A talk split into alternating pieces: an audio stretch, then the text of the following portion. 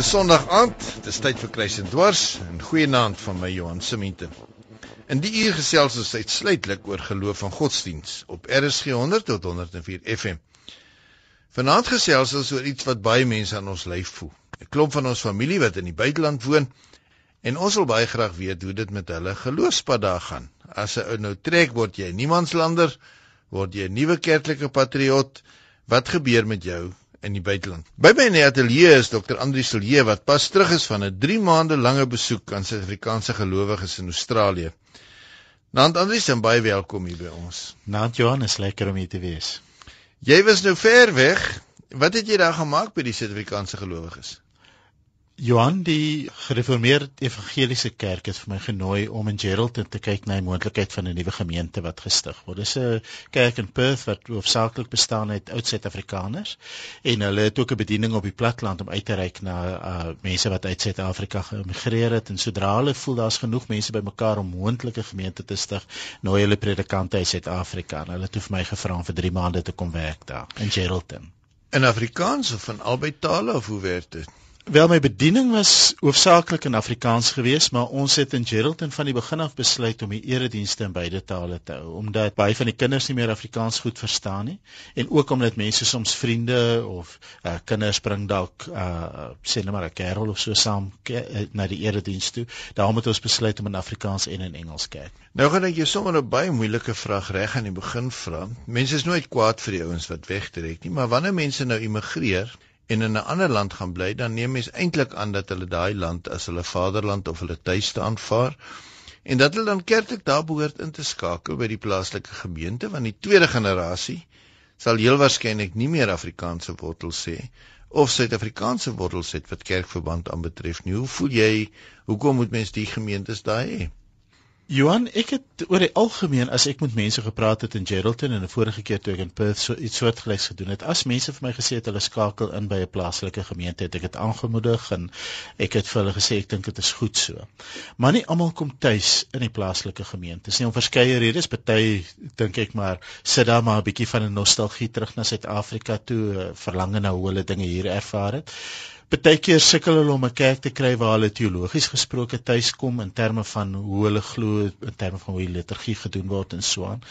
Uh partykeer is dit amper iets wat jy moeiliker aanraak. Iets van 'n atmosfeer in die kerk wat nie heeltemal is waaraan hulle aan gewoond is nie en met al die goed wat verander, dink ek het hulle net behoefte aan miskien iets iets meer bekends. Uh ek dink ook jy sit baie keer met die situasie dat mense die hele week tussen mense uh, wat hulle nie ken nie, wat hulle storie nie verstaan nie, wat hulle taal nie praat nie. En dan het hulle die behoefte om eers in die week dood eenvoudig 'n bietjie tot rus te kom en te sê, "Maar nou sê ek tussen mense wat my taal praat, wat my storie ken, wat weet waar ek vandaan kom, wat weet wie ek is en wat weet hoe om my te ondersteun ook." Hulle ervaring soms maar met die Australiese dominees is en ek het wonderlike dominees in Geraldton ontmoet, laat ek dit onmiddellik bysê. Maar hulle ervaring is dat die uh Australiese predikante dikwels ook nie hulle storie heeltemal verstaan.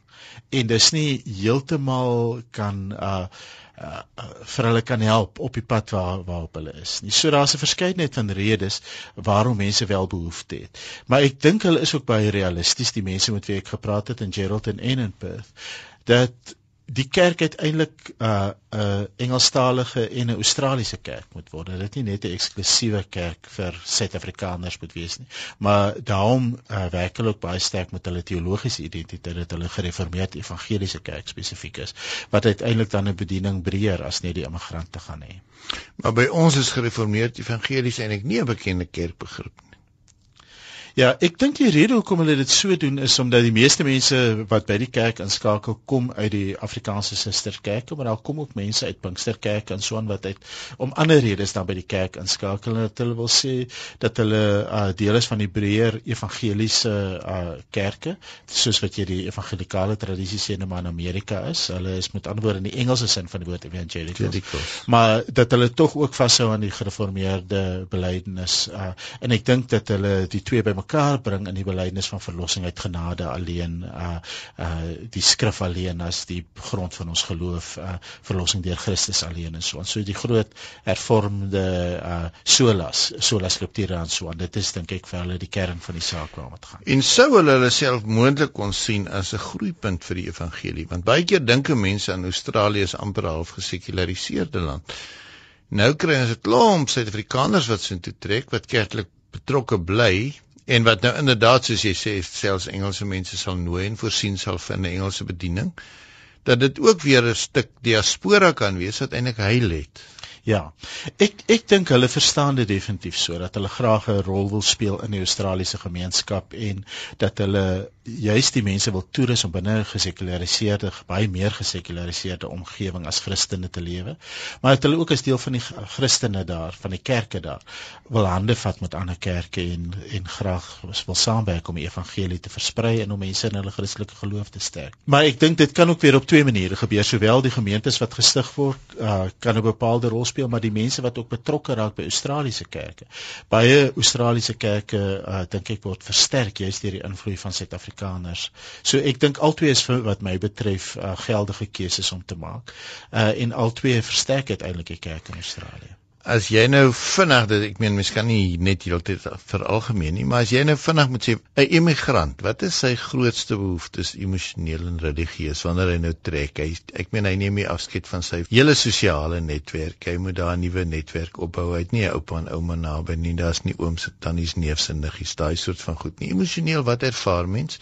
En geestelik om uit jou geestelike landskap as dit ware te trek. Jy kan nou jou Bybel saamvat en die Here trek saam Maar wat ervaar daai mense hoofsaaklik?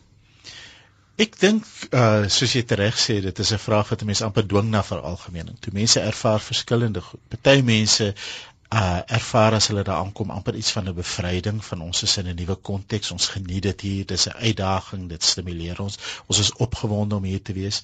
Alhoewel hulle miskien nog na familie sal verlang en so aan voel hulle tog geweldig opgewonde om daar te wees en hulle het miskien nie so sterk verlieservaring nie. Maar die meeste mense met wie ek te doen kry gaan ten minste deur gekry het gaan ten minste deur fases waarin hulle intense verlieservarings het. Verlies uh familie en vriende veral aan die bekende plekke waarna hulle verlang, uh, 'n bekende wêreld wat vir hulle verlore gaan. En baie keer gaan dit nou maar dan saam met die tipiese emosies wat jy moet verlies het van uh bedruktheid, woede, sulke tipe van goeters uh uh 'n uh, uh, diep hartseer dit kan amper soos 'n fisiese ding word wat aan jou vrede verlange later. So ek dink die die groot vraag waaroor dit vir mense gaan en ek het daar daaroor gepreek ook op 'n stadium is maar die vraag wat kan ek met my saambring? Uh, wat is die blywende in my lewe? Wat is die die kerngoed waarom my lewe draai wat ek nie graag wil verloor nie, wat ek graag wil behou hier. En dit is nie vir almal presies dieselfde dinge nie. Is ook nie noodwendig vir almal geloof nie. Maar ek dink dit is die een vraag. Die tweede vraag is hoe laat ek die ander goed agter? Hoe uh hoe laat ek myself toe om te treur sonder om vas te val daarin? Hoe beweeg ek aan sodat ek regtig die goed wat verby is en wat ek weet is onherroepelik vir my verby, dat ek kan agterlaat? Die derde groot vraag is hoe hoe leef ek met die nuwe goeders? Hoe hoe kan ek regtig ook myself oopstel vir 'n nuwe situasie wat vir my vreemd is en soms uh, om die waarheid te sê dalk vir myself self bedreigend kan voel? Ons praat met Andri Silje. Hy was ruk 3 maande lank in Australië, maar daar's ook uh, Suid-Afrikaners wat in ander wêrelddele bly. En ons gaan hoor van Suid-Afrikaners wat in Londen woon. En daar het ons vir Dr. Okkie Roubenheimer aan die woord. Hy is die gemeentepredikant daar en Okkie, ons hoor graag wat jy sê saam met Lisel de Bruin. Okkie, hoe lank is jy nou al in Londen? As ek nou antwoord sal ek amper sê te lank, maar ek is nou al amper vir 11 jaar hier. My bediening hier het my nou oor 'n lang tydperk gebring en die ontwikkelinge van die gemeente sien verander, maar ja, ek is nou al vir 'n geruime tyd hierso. En hoe groot is die gemeente nou? Op die oomblik is die gemeente so net minder as 3000 lidmate. Dit sluit nou volwassenes en kinders in. Ons het dit by drie groot afdelings in die gemeente, drie wysgemeentes. OK, wat is die uitdagings vir Suid-Afrikaners se geloof in die buiteland?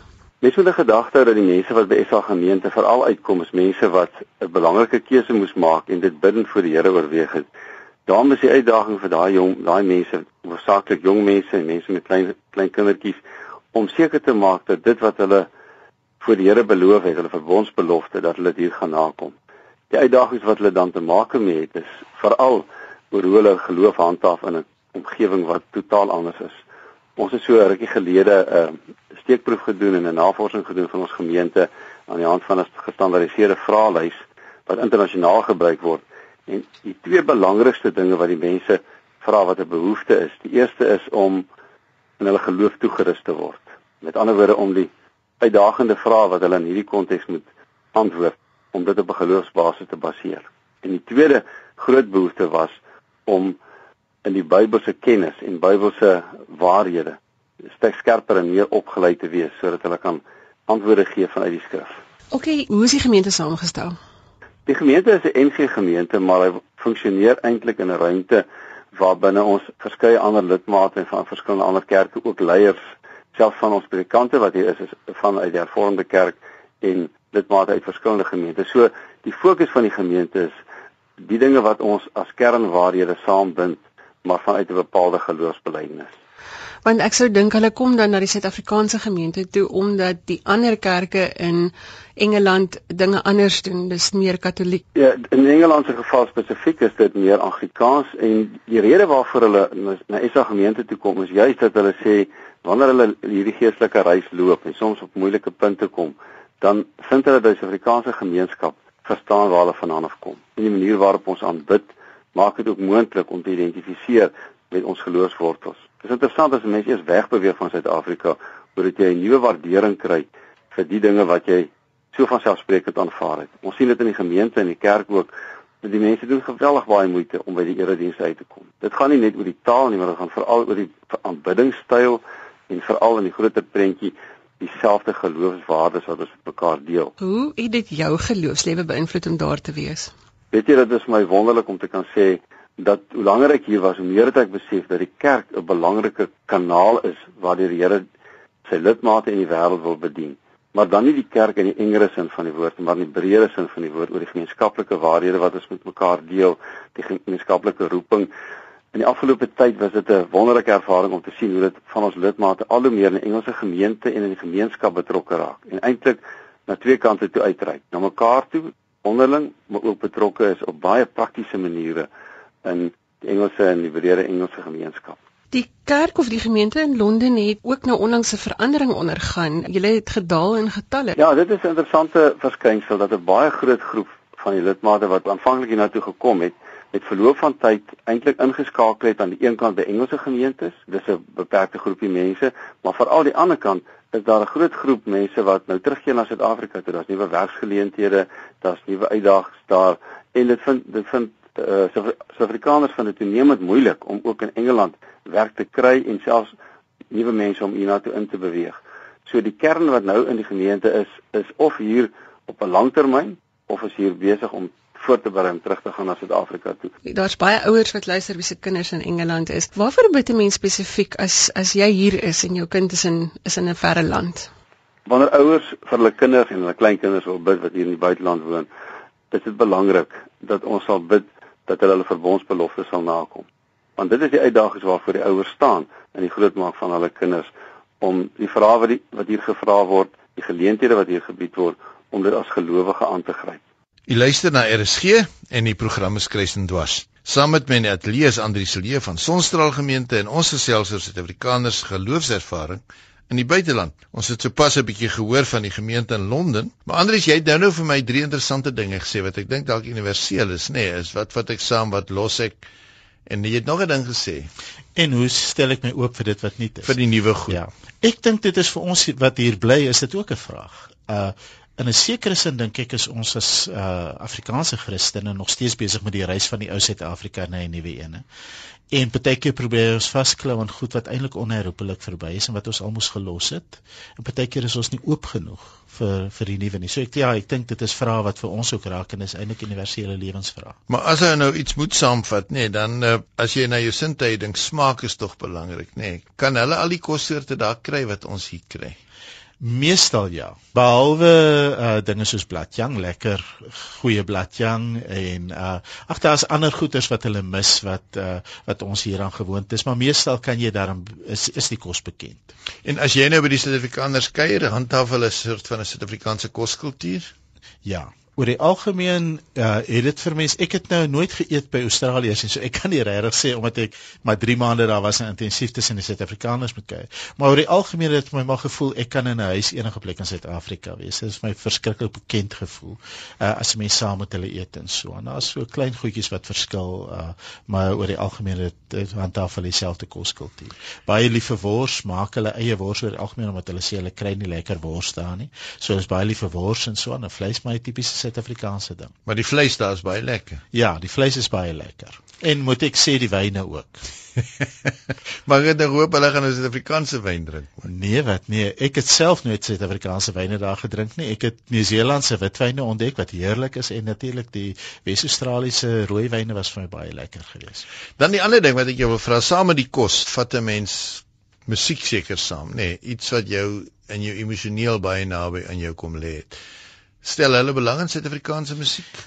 Wel, die meeste huise wat ek gekom het luister, die mense Afrikaanse musiek. Ek dink amper meer as wat ons hierso luister miskien uh waar ons hier 'n groter verskeidenheid het ek daar nog al die aanvoeling gehad dat jy kom by mense en hulle hulle hou vas aan Afrikaanse musiek. Dit was ook vir my interessant af die Afrikaanse kerklied, hoe byvoorbeeld ons was in die Kerstyd daar. En hoe selfs mense wat by Engelse gemeentes ingeskakel het, het vir die Kersdiens gekom en heerlik gehuil terwyl ons stille nag in Afrikaans gesing het en toe ons somerkersfees sing het heeltemal verloor. So dit uh. dit dink ek roer hulle op 'n baie diep manier. En nagmaal en doop, die tradisies? Wie ek dink bly dit maar dieselfde soos ja. by ons of doen mense dit bietjie anders daar? Uh ek dink omdat ons baie sterk uh, ons het met 'n klein groep mense gewerk en ons het baie sterk probeer om 'n geloofsgemeenskap te bou, 'n oop geloofsgemeenskap. So ons het baie daarvan gemaak om nagmaal saam aan tafel te sit, om een brood te breek, om die beker met mekaar te deel, om soort van die nagmaal te vier op 'n manier dat dit regtig soos 'n familietafel gevoel het. En ek het dit ook so verwoord vir hulle dat God se tafel is hierdie waar almal welkom is. En dis eintlik 'n lekker nuwe ding, nê, nee, wat verdieping bring van ja. dit as mens hier aan 'n groot gemeente dink dat jy daar eintlik 'n intiemer band ja. kan hê. Wel vir my omdat my bediening begin het in 'n klein gemeente was dit amper die lekkerste ding daar.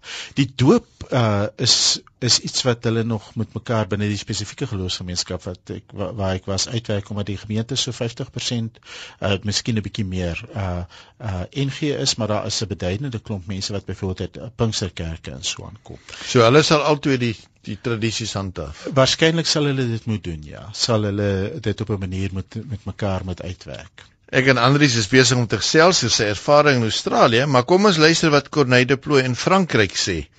Hy het 'n gemeentetjie in Toulouse en hoe voel die Suid-Afrikaners daar oor hulle kerkwese en hulle kerklidmaatskap en veral ten opsigte van hulle roeping in terme van hulle geloof. Corneille, ons gesels vanaand oor Suid-Afrikaners se geloofservaring in die buiteland. Jy is nou al so lank in Frankryk dat jy seker nie meer as 'n Suid-Afrikaner geklassifiseer word nie.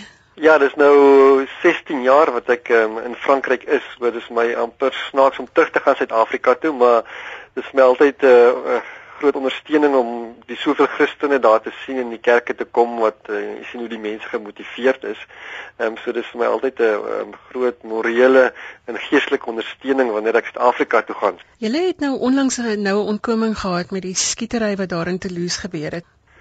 Ja, ons het um, die oggend so net na 5 uh, wakker geword met 'n geskietery net voor ons venster na die pastorie so half bo op die kerk, soos op bly op die eerste vloer en die persoon wat betrokke was, die terroris is ook ook op die eerste vloer net in die gebou oorkant ons straat. Deure is reg oorkant ons deur. En onmiddellik toe ons dit begin hoor, het my vrou die kinders na ons kamer toe gevat, maar die kinders se kamers op die straat en ons kamers in die agterkant en ek het in 'n ander vertrek gaan kyk um, wat aangaan en ek geweet die hordjies is so effens oop. sien ek die polisie agter die voertuig besig om te skiet na die woonstelblok oorkant en ook die polisie by die ingang. Toe net daarna het ek 'n oproep op my selfoon gekry van die spesiale taakmag wat um, vra of ons um, motorhek en of ons tuinhek oop is. Ehm um, en toe net daarna het hulle weer gebel om te vra of net te sê dat hulle gaan op die op die dak klim. So ons moet nou nie bekommerd wees as ons nou ehm um, geraas hoor nie. En net so 'n paar minute daarna het hulle nou weer gebel om te sê hulle is op ons stoep agter wat nou op die wat op die eerste vloer is, is die kerksaal se dak is ons ehm um, stoep. Ehm um, dat hulle wil inkom in die huis in. En uh toe het ek die deur vol oopgemaak, het hulle verskillende vertrekke gewys en hulle het toe in die kinders se kamerstelling geneem. Hulle het twee is nou snipers ehm um, daar gesit En daar het ons nog gebly die oggend tot so 11:30 toe ons ons ontry met uh, ons het agter by die bure agter ons na, na hulle huis toe gegaan. Ehm um, in die oggend het ons ook opgemerk dat daar koel cool deur die vertrek was wat waar ek vroeër gekyk het wat aangaan toe ek die skietery gehoor het deur die vertrek deur die deur en deur die muur tot in ons kombuis het ons die ehm um, skote gekry en ons is toe weg ons het die die dag by die ons bure agter gebly en die die spesiale taakmag het hulle huis gebruik om om nou heeltyd heen en weer te gaan tussen hulle huis en ons huis. Ehm uh, maar daarna is ons toe weg. Ons is toe na vriende toe om die kinders soveel as moontlik weg te kry um, van die situasie af wat toe 32 uur lank geduur het wat hulle gedink het dit sal maar net 'n paar uur duur so dit was nou ons ervaring ehm um, van die die skietery ehm um, hierso hier in Toulouse. Die situasie was 'n politieke situasie en nie noodwendig 'n geloofssituasie nie, nê. Die skieter die persoon het nou uit begin om weermagmanne wat in Afghanistan uh, opgetree het uh, om hulle geskiet alhoewel hy vertel dat die ehm um, die oggend toe hy die by die Joodse skool die kinders en die een pa geskiet het, het hy juis gewag vir 'n weermag ou wat hy dopgehou het wat hy wou geskiet het daai oggend en uh, wel toe is die ou nou laat en toe skiet hy maar die kinders in die plek daarvan. En wat nou nie heeltemal logies is nie maar ek het hom gesien wat ek is iemand wat mense nou al gesien het so af en toe hierso en uh, waar hy op die um, uh, sokkerveld net so om, om die draai van van ons af um, met sy kom bid het. Een aand het ek um, gaan gaan draf daarso en hy het sy mandjie daar uitgerol so 6:00 die aand en 'n ander keer het ek moes sien by die busstop dat die bus moes vat een oggend vroeg voor 7 ehm um, terwyl hy die Koran gelees het. So daar iets agter maar sy motivering hy was nie bekend hierso dat hy aktief betrokke was in die geloof nie maar hy het maar op sy eie manier sy ding gedoen. So maar sy motivering hoofsaaklik was maar politiek omdat die die Franse weermag in Afghanistan betrokke was. Corneille met ander woorde geweld gebeur nie net in Suid-Afrika nie. Ja nee mense sal nou dink is alles veilig in ander lande maar mense sien dat die mense is nooit veilig nie. Uh, maar goed wat hier wat in Afrika gebeur gebeur hierso ook My eintlike vraag aan jou Corneille en hoekom ons vanaand met jou gesels is om te hoor of jy enige geloofsuitdagings gehad het toe jy Frankryk toe getrek het. Franse doen dinge anders as Suid-Afrika. So wat was die uitdagings vir jou in jou geloofspad toe jy Frankryk toe is? Ja, ek dink in die begin is mens um, moet mens 'n bietjie mal wees. Jy's met die taal, weet dis die eerste probleem selfs wat mens kom, weet as mens kom as 'n um, volwasse. So mense het 'n sekere ehm um, teologiese en geestelike bagasie wat jy nie kan uitdruk in Frans nie. So dit was die eerste ehm um, problematiek wat mens byvoorbeeld met om Frans te bid het baie lank gevat en iets wat ek weet nie of dit nou my ehm uh, oortuiging is nie of my benadering is nie of dit maar net die Franse benadering is nie, maar hulle hou daarvan hulle kan ure oor gesels oor oor praktiese goed in die kerk byvoorbeeld, maar baie op filosofiese vlak, die praktykgerigtheid ontbreek dikwels. Ehm um, uh, en dit is baie frustrerend, jy weet mens om 'n besluit te neem. Ehm um, ons kerkraad byvoorbeeld is maar is maar sewe mense as mens nou dit vergelyk met Suid-Afrikaanse kerkrade, maar om 'n eenvoudige besluit te neem kan uh, verskeie kerkraadsvergaderings lank duur. Net om 'n idee te gee byvoorbeeld om die ehm um, vir ons kinderkamer in die kerk die kleur en die soort ehm um, tapuit wat ons dan gesit het het dit is 'n uh, bespreking van 18 ure ehm um, ontlok. Dit klink nogal soos ou kerkraadsvergaderings in Suid-Afrika.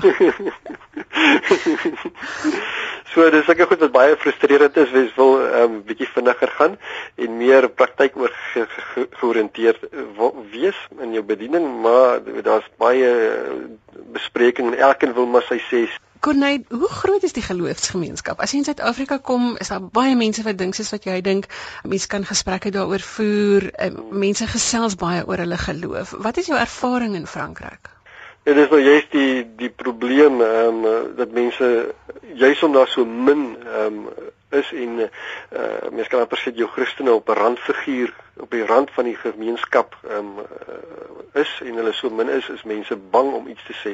Of miskien nie bang nie maar selfs net hulle het nie die gewoonte nie ehm um, om te praat met hulle bure oor hulle geloof of of sulke dinge. Dis juist die probleem wat mense het. Party van jou ehm um, evangeliese of charismatiese kerke gaan nou weer na die ander uiterste toe en uh, praat oral waar hulle kom, weet daai ek dink as 'n tyd vir alles. Uh mens moet uh, met die deur die gees gelei word wanneer om te praat, maar daar's baie wat sê ek bedoel net jou net jou dade moet praat, jy sê niks nie, maar daar's goeie ongelowiges ook um, wat deur hulle dade goeie dade doen, miskien beter as seker Christene. Maar ek dink die dade en die woorde moet saamgaan en dit is baie keer moeilik vir mense om dit te uh, dit uit te leef. Is ek reg as ek sê dat uh, met ander woorde jy kuier nie noodwendig met jou bure nie. Dit is nie soos in Suid-Afrika waar ons 'n straatbraai hou nie. Hulle is baie meer inge, ingekeer tot hulle self. Ja, dis nou juist ons maak nou kontak want is nou maar as predikant hierso in die straat ken ek die bure en so voort. En juist met die skietery wat nou interessant is wat oor kan die straat gebeur het is mense praat mense nou met mekaar. Hulle praat met hulle bure wat hulle gewoonlik nie geken het nie of of so voort nie. So dit is vir mense nou positiewe reaksie gevolg moet soek na aanleiding na die skietery. Ehm um, praat mense met mekaar. Ons het nou nie straatbraais nie. Ek ons dink nou juis na die skietery om dalk so iets te organiseer hierso. Die stadsraad in elk geval het voorgestel om dit oor 'n maand te doen. Ken ons bure, maar ons ons nooi hulle nie eintlik uit nie. Um, nou ons toe nie, daar's 'n paar wat ons goeie verhoudings mee het, maar maar nie veel meer nie. Dit was Corneille de Plooy in Frankryk. Jy is ingeskakel op RSG en vanaand in Kruisendwars gesels ons oor Suid-Afrikaanse gelowiges in die buiteland. Andries, jy het nou nou gesê veral oor doop en nagmaal wat dan bepaalde aanpassings verg in terme van die denominasies wat dan rondom 'n kultuurverband eintlik bymekaar kom eerder as net suiwer om 'n uh, dogmatiese grondslag. En dis miskien 'n wonderlike ding in terme van 'n ekumeniese ontwikkeling. Want as jy min is, vervaag van die verskille 'n bietjie en kyk jy eerder wat jou saambind. Kom jy dit daar agterby of ja. stry hulle maar onder mekaar? O, hulle stry onder mekaar, verseker. Uh oor hoe hulle die taalbeleid moet aanpak, oor hoe die eredienste moet ingerig word en so, maar ek dink nie stry is altyd 'n negatiewe ding nie. Party mense sien dit so en ervaar dit so. Maar ek dink uh gesonde uitpraat van geskille en reguit praat oor geskille, verskille en so aan. Ek dink dit is 'n dis eintlik in 'n geloofsgemeenskap iets wat behoort te gebeur. Maar uh ek dink dit gaan maar weer oor die vraag oor wat moet ons saamvat en wat kan ons nie saamvat nie. Kan ons ons Suid-Afrikaanse uh, verskille uh kan ons dit net so oorplaas en soort van sê net maar 'n klein NG Kerk of 'n klein AGS daar probeer stig of moet ons aanvaar dat daai verskil het hierdie kant van die water agtergebly en ons moet iets anders probeer doen? En daar wil ek regtig sê dat my ervaring van die mense in Geraldton deurgangs was om te sê maar ons is in die eerste plek Christen en ons deel die geloof in Jesus Christus as enigste verlosser en God as ons Vader en die Heilige Gees. Al dink ons dalk bietjie verskillend oor die gawes van die Gees glo ons tog dat ons almal deur die Gees glo. En dit bind ons saam. So ons wil dit met mekaar deel en dan soos wat ons ontdek wat wat ons in gemeen het, ook eerlik praat oor wat ons verskille is en so. Maar ons wil nie die verskille te swaar laat weeg nie. As ons nou na die na die kinders gaan kyk, uh, dit lyk vir my altyd nogal 'n bietjie met 'n probleem, nê, nee, want jou kinders sosialiseer met hulle skoolmaats wat of glad nie keer toe gaan nie of in 'n ander kerk verband is.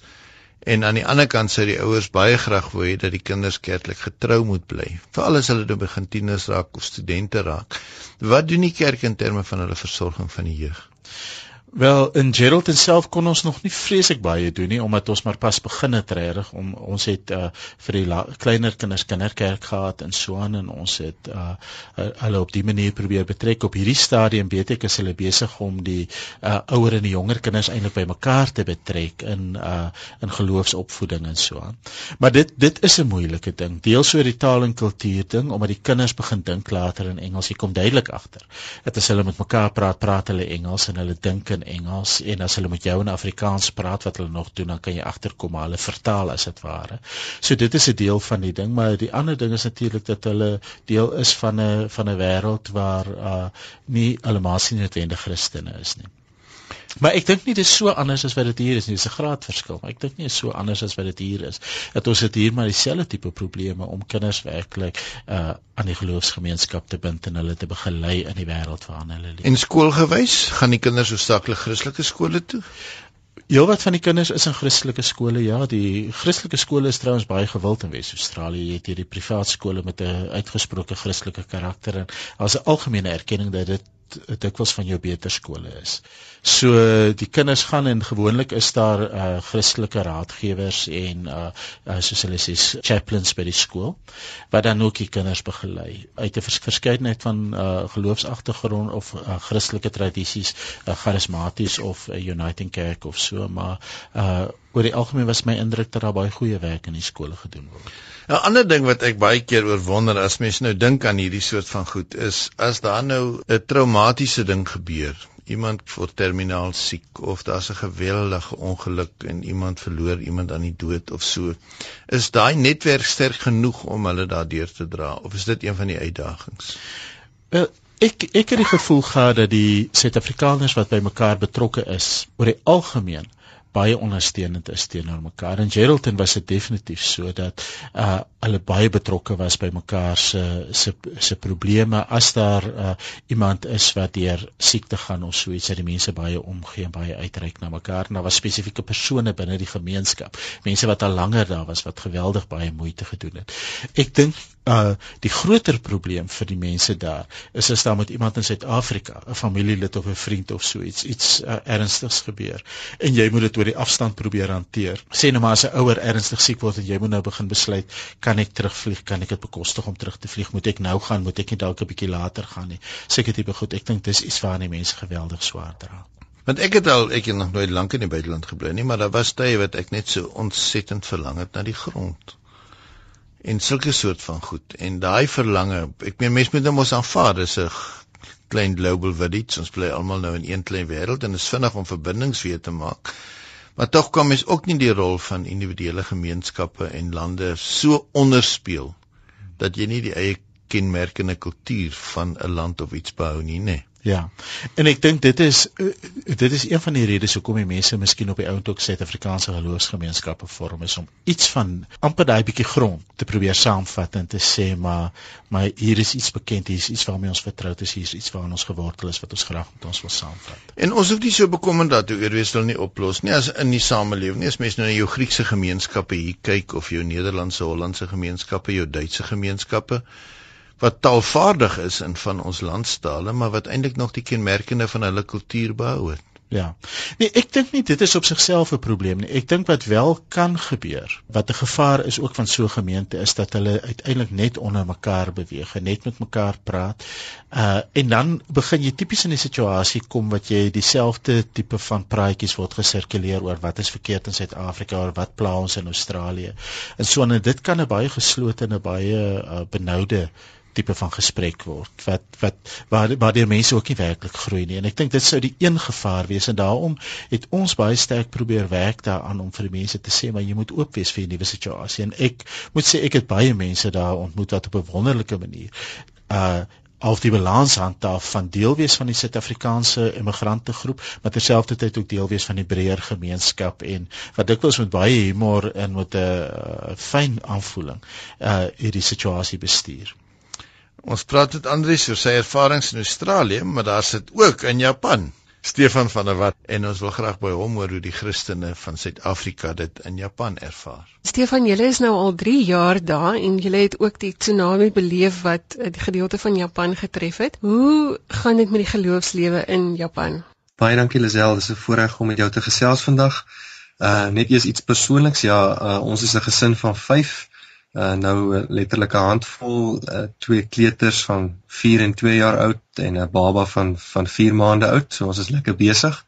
Dit gaan goed met ons hier. Jy vra oor die gebeure van die tsunami, uh so 'n bietjie meer as 'n jaar gelede nou. Uh ek onthou dit nog asof dit gister gebeur het. Ons woon baie ver van die rampgebied af. Uh dit het in die noordooste van Japan gebeur en ons bly in die suidweste. Uh maar uh, ons is kort na die gebeure self na die rampgebied toe om te gaan sien en dit was 'n onbeskryflike verwoesting uh, en 'n geweldige skokkende realiteit om te ervaar. Uh, die mense daar se uh, absolute verslaandheid en hulle magteloosheid en uh, honderde duisende mense wat in tydelike huise moes bly en tot vandag toe steeds baie van hulle wat wat in tydelike behuising moet wees en letterlik besig om om die stukkies van hulle lewens nog tussen die rommel op te tel. Daar's baie dinge om te vertel daaroor. Dit is 'n gewellige klomp emosionele ervarings waardeur die mense in die rampgebied is. spesifiek ons wat gewerk het en steeds werk saam met Christen gelowiges daarso en kerke daarso ehm um, het ook 'n klomp dinge beleef van mense wat natuurlik uiteenlopende reaksies gehad het op die gebeure. Het dit enigstens vir julle deure oopgemaak om die mense te help met met die Christelike geloof? Weet jy, daar het klomp deure oopgegaan deurdat vrywilligers van reg oor die wêreld gekom het ook uit Suid-Afrika om uh, die kerk en ander almal in die omgewing te ondersteun en te help om die stukkies van hulle lewens op te tel. En so het kerke begin om oor grense saam te werk, uh eers aan die noodhulp van die eerste jy weet reaksie van letterlik net kos en en water om te oorleef daarna die herbou van die infrastruktuur en nou langtermyn berading en geestelike emosionele ondersteuning. So ja, ehm um, daar's 'n klomp fasette van dinge wat ek dink mense is se lewens uh, tot op die op die vesel van hulle bestaan geraak het en ook hulle geloofslewens. Baie mense het vrae gevra, baie mense ehm um, het natuurlik, jy weet, woedend geword ook vir God in die situasie en gevra hoekom het dit gebeur? Hoe so iets moontlik? Ehm um, maar ek dink ook baie mense het uh, regtig ervaar dat uh, die Here by hulle staan te midde van dit alles. En hulle geloof is versterk daardeur en ja, daar het 'n klomp nuwe groei gekom in die in die in die kerk. Miskien nog nie soveel in die wyte van die kerkie, maar definitief in die diepte van mense se geloofslewens.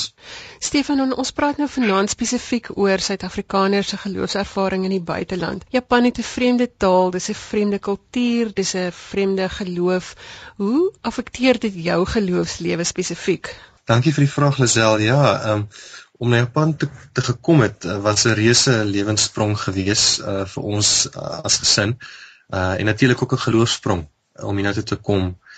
Baie onsekerhede gewees aanvanklik, baie aanpassings uh letterlik in terme van 'n mens se hele lewenstyl, uh, elke dag se bestaan.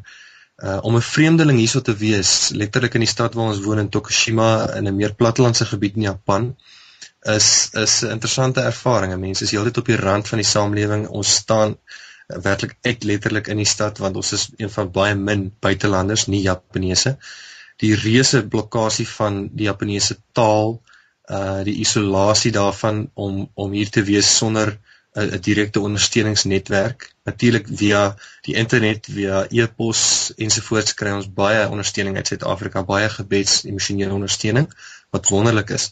Maar op die einde is dit is dit maar wesentlik ons as gesin hier wat mekaar ook in die geloof uh weet kan versterk en kan dra. So dit raak alles van jou hele lewe en jou verhouding met God as jy hier is op 'n baie diep vlak. Word jou kinders Japanees groot of word hulle Engels of Afrikaans groot? hulle word gelyktydig in al drie tale nou groot. Ehm um, ek sê jy nou lank besig kon hou met die met die rede hoekom ons dit so kies. Uh, dit gaan oor die hele onderrigstelsel hierso wat anderster is, maar op die oomblik ja, in ons huis word natuurlik elke dag Afrikaans gepraat meeste van die tyd, maar ons gebruik ook doelbewus Engels en lees baie baie Engelse boeke om hulle ook uh, veral in Engels weet tweetalig magtig te maak soos ons in Suid-Afrika jy weet dit ken. Maar natuurlik as ons buite die huis beweeg is alles in Japanees. So dit is nie onmoontlik om drie tale aan te leer veral as jy so klein is nie. Dis eintlik baie meer moontlik as wat 'n mens dink. En ons kinders is besig om op 'n manier dit reg te kry.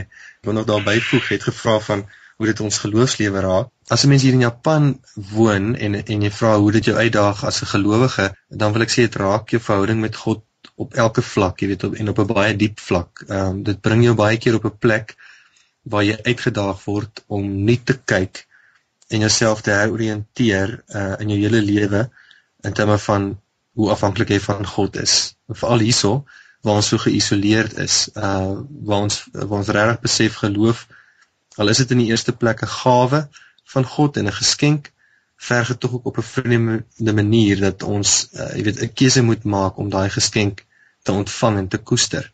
En veral hier so in Japan, miskien vir dit vir dit 'n stukkie ekstra geestelike, jy weet, dissipline uh om om dit te doen.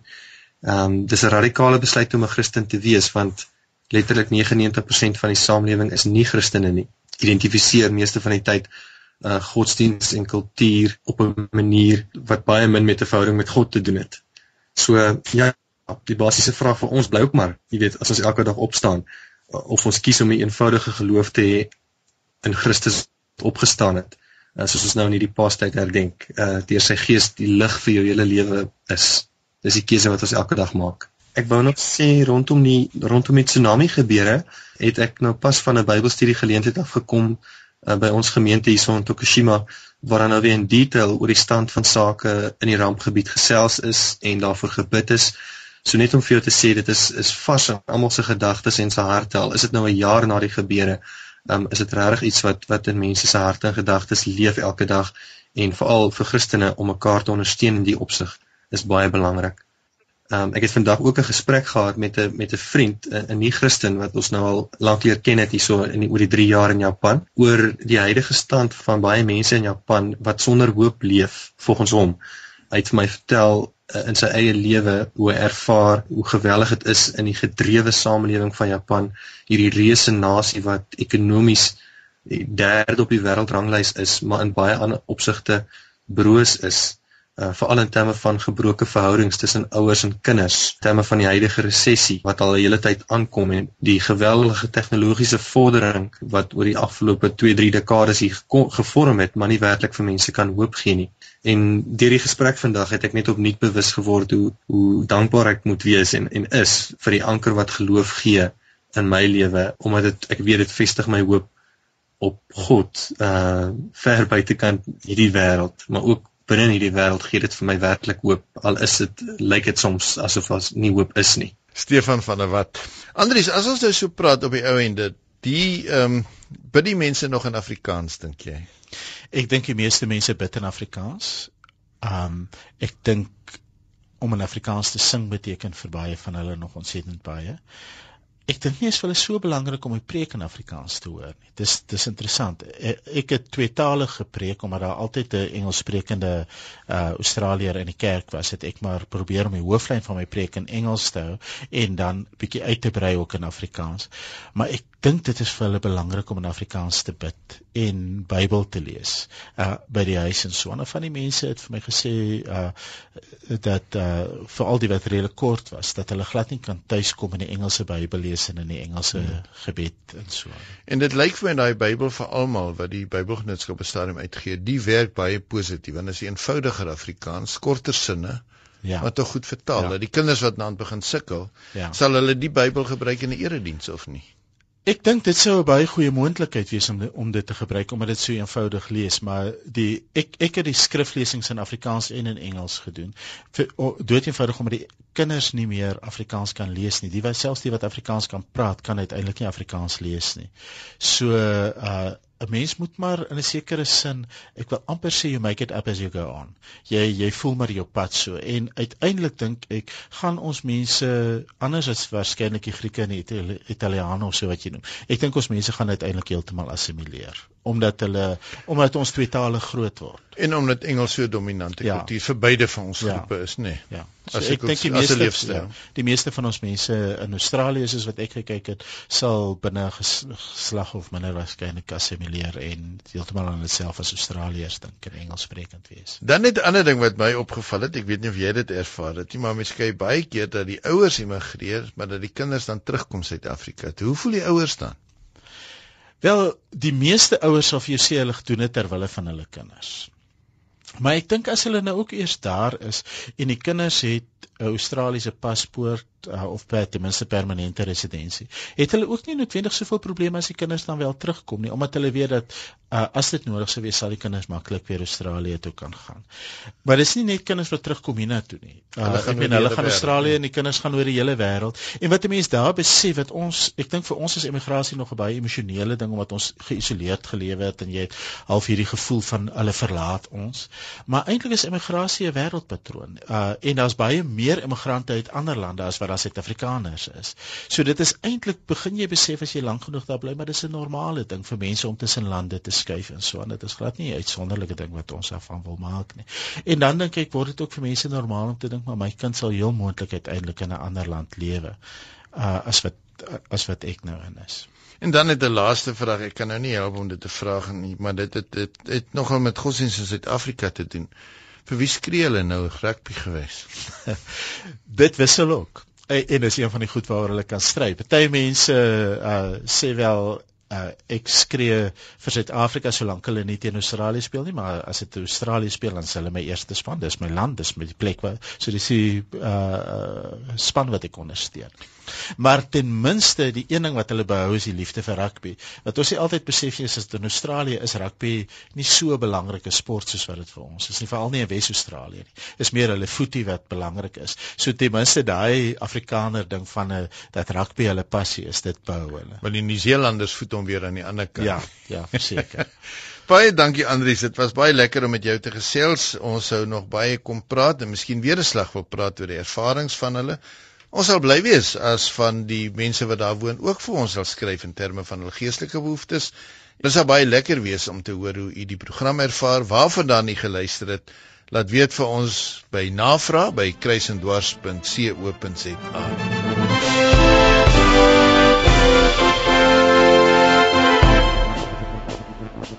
Ek groet namens die span in Kaapstad, Neil Roo ons produksieregisseur en ons programregisseur Liselde Brein. Dit was lekker dat u saam met ons gekuier het. Tot volgende week van my Johan Sementen. Totsiens.